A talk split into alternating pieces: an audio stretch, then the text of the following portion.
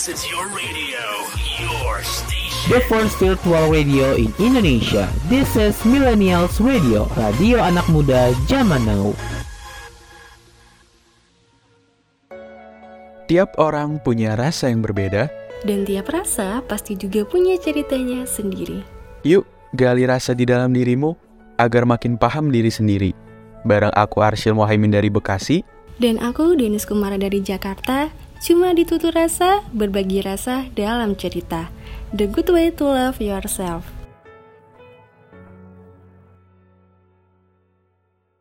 Lagi dengerin tutur rasa bareng aku Denis. Dan aku Arsyil.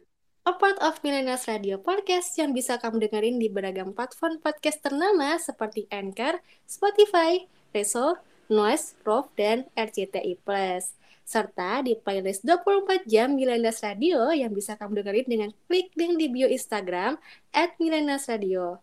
Dan akan ada video podcastnya yang akan diupload di channel YouTube dan videonya Millennials Radio. Dan bisa kamu tonton juga di fitur Radio Plus di aplikasi RCTI Plus. Jadi jangan lupa di like, comment, share, dan jangan lupa di follow podcastnya, plus di subscribe ya channelnya. Hai Arsil, apa kabar? Halo Denis, kabar baik, Alhamdulillah. Denis sendiri gimana kabarnya? Alhamdulillah, kabar baik. Kamu sekarang lagi apa nih aktivitasnya? Aduh, kalau aku ya namanya mahasiswa tingkat akhir ya, lagi Hmm. sibuk-sibuknya ngurusin tugas akhir nih, Nis. Kayak Oh, proposal skripsi gitu deh. Nah, kalau kamu gimana nih kesibukannya? Kalau aku lagi ikut pelatihan broadcasting gitu secara offline, tapi baru mulai sih, baru Wah. mulainya besok nih. Oke, menarik, menarik. Tuh. Nah, kamu nih kan lagi tugas akhir ya. Kalau dulu waktu aku Iya. jadi mahasiswa, kayak ngerjain tugas akhir itu kadang bikin kayak stres gitu loh. Setuju banget. Kamu gitu juga gak sih? Setuju banget. Iyalah, pasti. Karena eh, misalkan kalau ada revisi-revisi gitu ya yang di- dikasih oleh dosen, terus kita juga udah mencoba untuk memperbaikinya, tapi ternyata masih banyak yang salah. Nah, itu kadang bikin pala penat dan stres sih ujung-ujungnya. Bener sih. Kayak eh, kalau kamu gitu tuh biasanya kamu ngelakuin apa sih? Sebenarnya banyak ya untuk menenangkan diri aku gitu ya, karena dari tekanan-tekanan bisa dibilang eh, tugas akhir itu gitu. Kadang aku misalkan menenangkan diri dengan kegiatan-kegiatan yang aku suka, misalkan main Hmm. ataupun sekedar beristirahat, mendengarkan musik gitu. Ya bisa dibilang aku melakukan self healing gitu.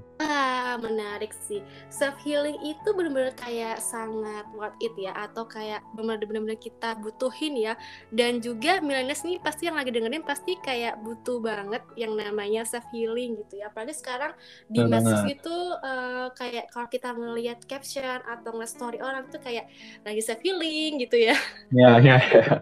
Benar-benar benar. Itu butuh banget sih kita. Nah, kalau menurut kamu sendiri nih, dan untuk millennials nih yang didengerin nih ya, self healing itu Ya. apa nih menurut kamu Sil? Nah, ini menarik sih, Nis. Tapi sebelum itu, memang ya masalah kesehatan mental ini lagi hangat-hangatnya bagi kebanyakan orang. Mungkin buat millennials juga nih, banyak tentunya cara-cara yang bisa dilakuin untuk mengatasi masalah kesehatan mental ini. Dan memang Benar. salah satunya itu dengan self-healing. Nah, kalau berbicara self-healing sendiri, aku pribadi mengartikannya sebagai cara yang dilakukan seseorang untuk bisa recovery dari berbagai macam permasalahan, eh, baik emosi maupun mentalnya nih, Nis. Hmm, Karena kan betul. Yang aku pahami ya, Nis, dan mungkin Iya. dari millennials juga ada yang setuju bahwa permasalahan-permasalahan yang menimpa seseorang itu bisa berbagai macam. Dan Ah, aspek benar. dari emosi dan mentalnya seseorang itu cukup menjadi bagian yang rawan kena duluan. Nah, Ah, betul. untuk penyelesaiannya sendiri, menurutku dan lagi-lagi mungkin millennials juga ada yang sependapat, itu sebelum ke arah profesional, biasanya dari diri kita dulu nih yang tahu gitu. Oh, aku harus lakuin ini dulu nih biar tubuh aku atau jiwa aku bisa tenang. Kayak gitu sih, Nis. Nah, benar sih. Aku setuju banget sih yang kamu bilang barusan dan pasti kayak millennials itu pasti setuju banget sih karena kayak kita itu butuh penyembuhan ya untuk diri kita sendiri ya. Setelah kita kayak Betul. ngelewatin stres terhadap tugas atau lainnya gitu ya kayak tekanan tekanan banyak tekanan gitu ya. Terus kayak mungkin kayak kita merasakan kegagalan atau omongan orang lain yang kurang mengenakan yang bikin kita stres gitu ya.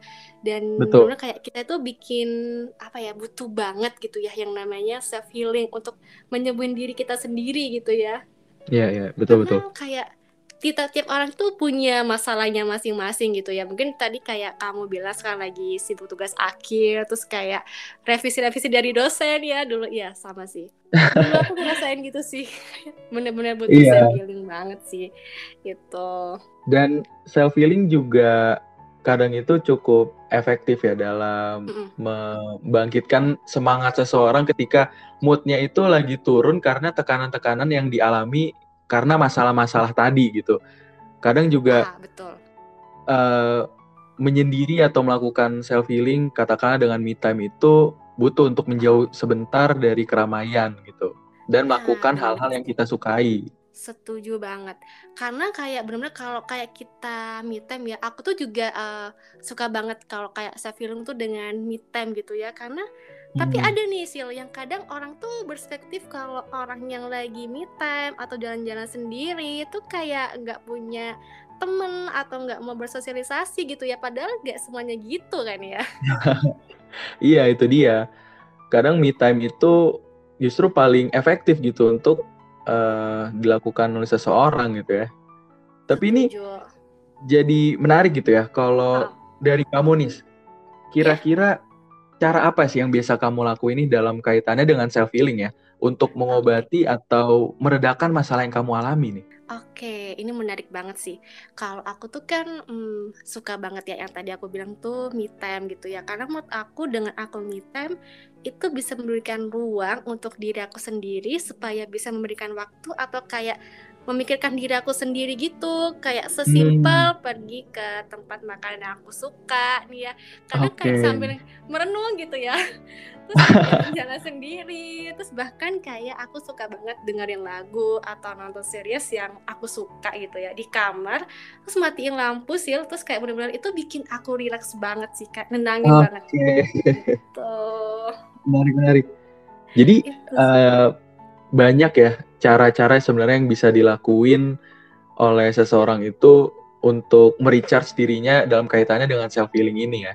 Iya, betul banget. Dan mungkin nih ya kalau misalkan kayak selain me time ya, setelah kita kayak bener-bener fokus terhadap diri kita sendiri, pasti kita kayak juga butuh lah ya yang namanya kayak support ya dari orang-orang sekitar kita Hmm, gitu ya.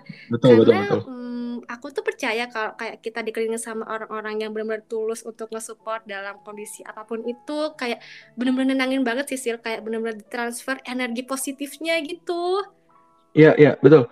Walaupun eh, me time itu penting ya karena kita Iya. juga tahu sebenarnya hal yang bisa membuat mood kita naik itu apa, tapi Ah, nggak perlu di eh, tidak perlu apa tidak dilupakan juga bahwa kita tuh adalah makhluk sosial yang butuh Iya. lingkungan sekitar, butuh manusia lain untuk ya memberi support pada kita juga sih. Iya, benar banget sih. Dan itu sangat benar-benar worth it banget ya buat kita gitu ya, kayak support system dari orang lain gitu ya. Dan pasti kayak ini sih Sel, yang penting juga kayak kita tuh harus ini nggak sih kayak berdamai dengan diri kita sendiri ya. Nah, betul Itu betul. sih ya. Betul banget. Karena itu kayak benar-benar kayak ya walaupun itu butuh proses ya untuk kita berdamai dengan diri kita sendiri. Karena kadang tuh kayak kalau aku sih dulu kayak susah banget sih kayak nerima kenyataan yang ada gitu ya kayak kok ini Hmm. gini sih gitu.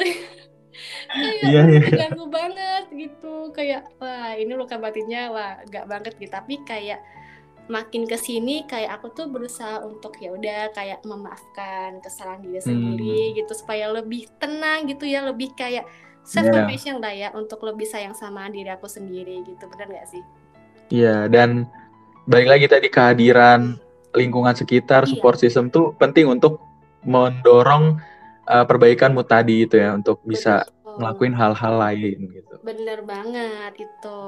Nah, tapi ini kan ada nih ya Sil ya kalau kayak orang itu self healing nih katanya self healing, cuman Hmm. kadang tuh kayak berkedok mager gitu loh Sil. Ah. Gitu. itu ya itu aku juga termasuk sih ya aku pernah ngerasain itu.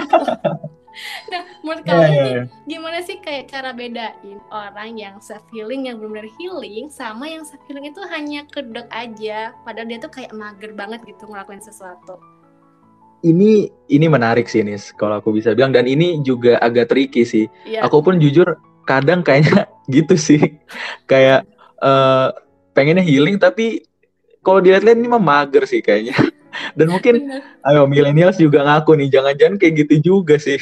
Nah, coba nih Melnes nih kayak pasti kayak kepikiran, oh iya ya aku pernah tuh ngerasain kayak gitu.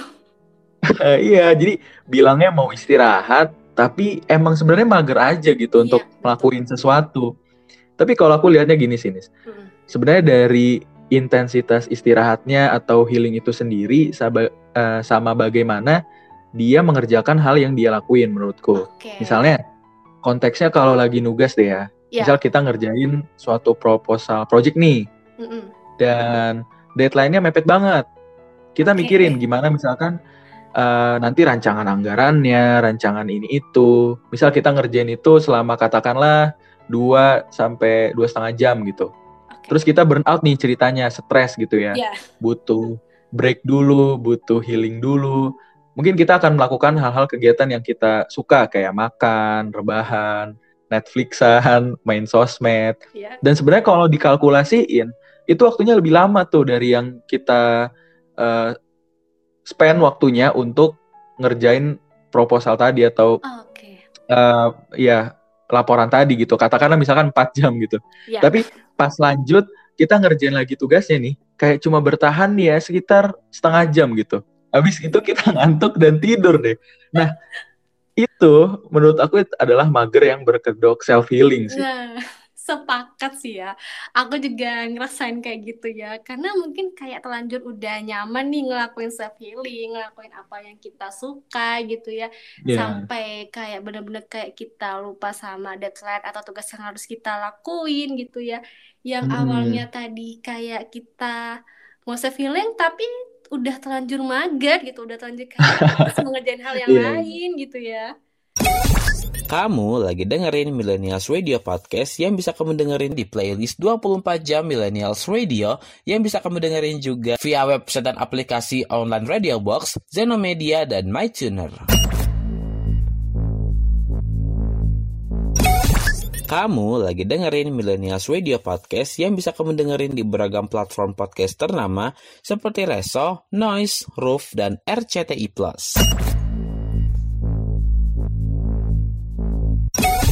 Kamu lagi dengerin Millennials Radio Podcast yang bisa kamu dengerin di beragam platform podcast ternama seperti Anchor, Spotify, Radio Public, dan MyTuner. Kamu lagi dengerin Millennials Radio Podcast yang bisa kamu dengerin di playlist 24 jam Millennials Radio yang bisa kamu dengerin di website kita di bit.ly slash millennials radio bit.ly slash millennials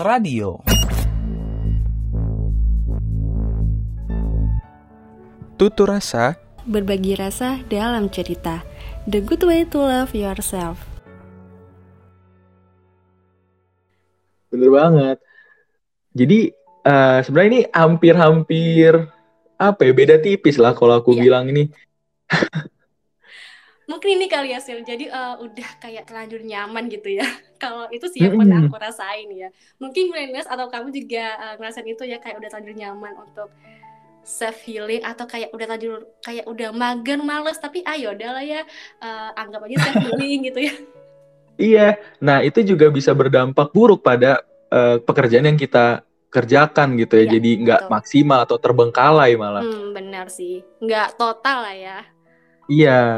Nah tapi dari situ aku jadi tertarik untuk nanya satu hal nih dari kamu, Nis. Ah, gimana? Aku pengen tahu perspektif dari kamu nih atau eh, yang pernah kamu alami dan rasakan sebelumnya. Sebenarnya healing itu ada rentan idealnya nggak sih? Kayak self healing itu baiknya sekian lama tahu biar kita bisa berdamai dengan masalah kita atau kamu yang kayak nentuin dari awal nih. Mungkin karena kamu juga udah paham sama diri kamu ya. Udah kenal sama diri kamu baiknya digimanain. Jadi kayak oke, aku mau self healing dulu selama sekian jam atau hari gitu. Nah, itu menurut kamu gimana gitu? Wah, ini menarik banget sih ya. Karena antara perspektif aku yang dulu sampai sekarang itu beda gitu ya. Kalau dulu tuh aku Hmm. kayak kepikiran kalau self healing itu membutuhkan waktu. Nah, Oke. cuman nih Sil ya kayak makin ke sini tuh kayak lebih aku tuh ngerasa kayak harus aku yang nentuin gitu. Jadi kayak Hmm. hal-hal masalah yang bikin aku stres atau yang benar-benar kayak beban gitu ya untuk aku kayak perlahan-lahan itu ya aku coba untuk lepasin di saat itu ya mungkin nggak di saat hari itu juga tapi mungkin kayak besoknya gitu ya yang nggak butuh waktu yang lama gitu ya karena memang aku tuh nggak mau kayak hidup aku tuh stuck di gitu-gitu aja kayak kepikiran Oke. hal-hal yang uh, bikin aku itu menghambat kebahagiaan aku gitu loh Sil gitu Iya, iya, iya. ya tapi mungkin ini ya kan tiap orang itu atau mungkin milenial lagi dengerin nih ya atau mungkin kamu kayak uh, ada bisa beda pendapat lah ya sama apa yang tadi aku sampaikan itu ya tapi Hmm. memang sih uh, tiap orang tuh kayak punya masalah masing-masing yang beda ya gitu ya karena belum tentu yang menurut aku nih persoalan yang biasa di aku belum tentu menurut kamu atau milenial yang dengerin ini itu persoalan yang berat ya atau sebaliknya gitu Iya. dan menurut aku sih nggak apa-apa karena tiap orang tuh punya waktunya masing-masing. Tapi sejauh ini sih prinsip aku kayak aku sih yang harus kayak nentuin gitu. Mau iya. harus kayak benar-benar ya seben, seenggaknya sebentar aja lah gitu. Kalau kamu tipe yang mana nih? Sebenarnya aku juga sama kayak kamu gitu. Jadi eh, karena pengalaman-pengalaman sebelumnya yang udah pernah aku eh, lakuin gitu ya, eh, kaitannya dengan self healing ini, aku mencoba menelaah sebenarnya hal apa yang aku lakuin ini yang bisa meningkatkan mood aku kayak gitu. Ya kayak trial dan error ini eh, trial dan error juga gitu. Oke. Nah, dari situ eh, aku juga menakar bahwa kira-kira kalau ngelakuin suatu kegiatan yang benar-benar bikin aku stres banget, aku coba main dulu deh atau Oh, rebahan atau tidur dulu gitu. hmm, ya. Dan ternyata aku takar misalkan waktunya dua jam, oh dua jam cukup nih. Jadi setelah itu aku jadikan patokan lah seperti itu untuk ke depannya. Oke, eh, udah ada tanda-tanda stres nih atau nggak fokus dalam melakukan suatu kegiatan. Akhirnya aku coba ngelakuin hal kegiatan yang aku suka, katakanlah main tadi selama waktu yang biasanya aku lakuin kayak gitu. Wah, berarti kamu juga sama ya tipe yang harus kayak nentuin gitu ya. Waktunya Betul, sampai kapan nih ya. Dan aku benar-benar sih tadi waktu kamu bilang kayak eh, sesimpel kayak rebahan ya. Karena aku juga Hmm. ngerasain itu, itu benar kayak worth it banget buat aku untuk melakukan self healing nih ya. Nah, itu Ya. salah satu ini nggak menurut kamu kayak salah satu hal yang worth it nggak sih untuk kayak nge-recharge sendiri gitu? Karena sekarang kan banyak banget ya kasus kayak eh, orang-orang pada stres nih ya, stres masalah hidup Iya, iya, gitu iya. ya, terus butuh self healing gitu ya. Nah, menurut kamu nih cara-cara yang udah kamu lakuin itu worth it nggak sih untuk nge-recharge diri kamu sendiri? Menurut aku worth it dan aku yakin juga millennials ada yang rasa bahwa self healing yang millennials lakuin itu worth it untuk mereka. Karena menurutku ini juga ada hubungannya sama yang udah disampaikan di awal sih. Hmm. Bahwa orang-orang itu melakukan self healing ini udah tahu nih, dia itu harus lakuin apa biar bisa stabilin kondisi baik emosi maupun mental dia. Jadi dia akan lakuin hal-hal itu, entah misalnya tadi yang aku sebut, misalkan dia mau main dulu kah atau Hmm. tidur dulu kah, kegiatan apa pun lah yang dia yakini cocok untuk dia, cocok untuk bangkitin mood dia. Terus dari sana diri dia udah ke recharge dan akhirnya bisa lakuin pekerjaan mereka lagi gitu, pekerjaan dia lagi kayak gitu sih. Ah, setuju banget sih, karena tuh kayak benar-benar kayak manfaat lah ya untuk kita berdamai sama diri sendiri gitu ya. Betul. Nah, Setuju.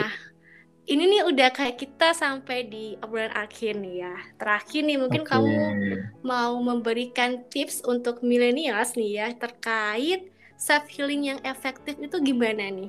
Nah, jadi benar kata Denis tadi, kita udah masuk ke bagian akhir dari perbincangan kita. Mungkin tips yang akan aku sama Denis kasih buat millennials ini, eh, tentunya bisa millennials terapkan ya. Jadi, kalau udah punya masalah yang berat banget nih ya millennials, jangan lupa dan jangan ragu untuk berhenti sejenak gitu. Istirahat dulu. Lakuin kegiatan-kegiatan yang milenial suka, entah dengerin musik, nonton film, atau sekedar tidur tadi gitu. Boleh banget. Selain itu dari aku pribadi, perlu juga buat millennials nih untuk perhatiin makanan-makanan yang dikonsumsi.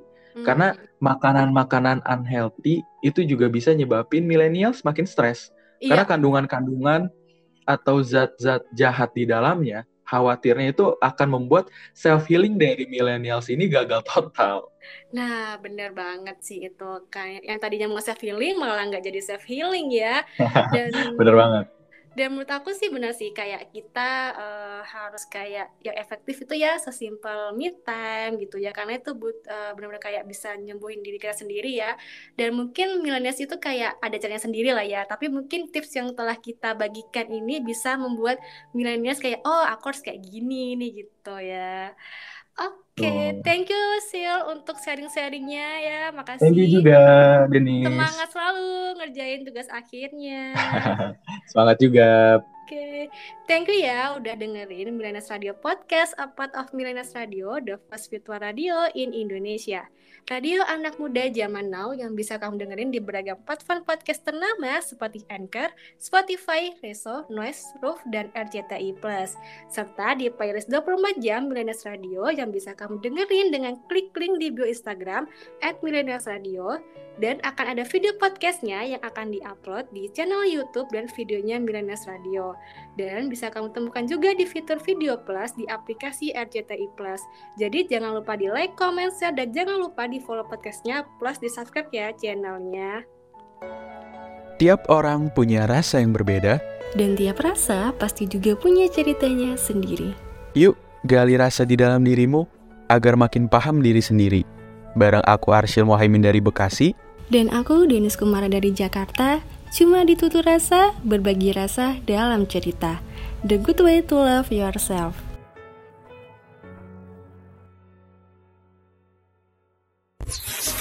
This is your radio, your station. The first virtual radio in Indonesia. This is Millennials Radio, radio anak muda zaman now.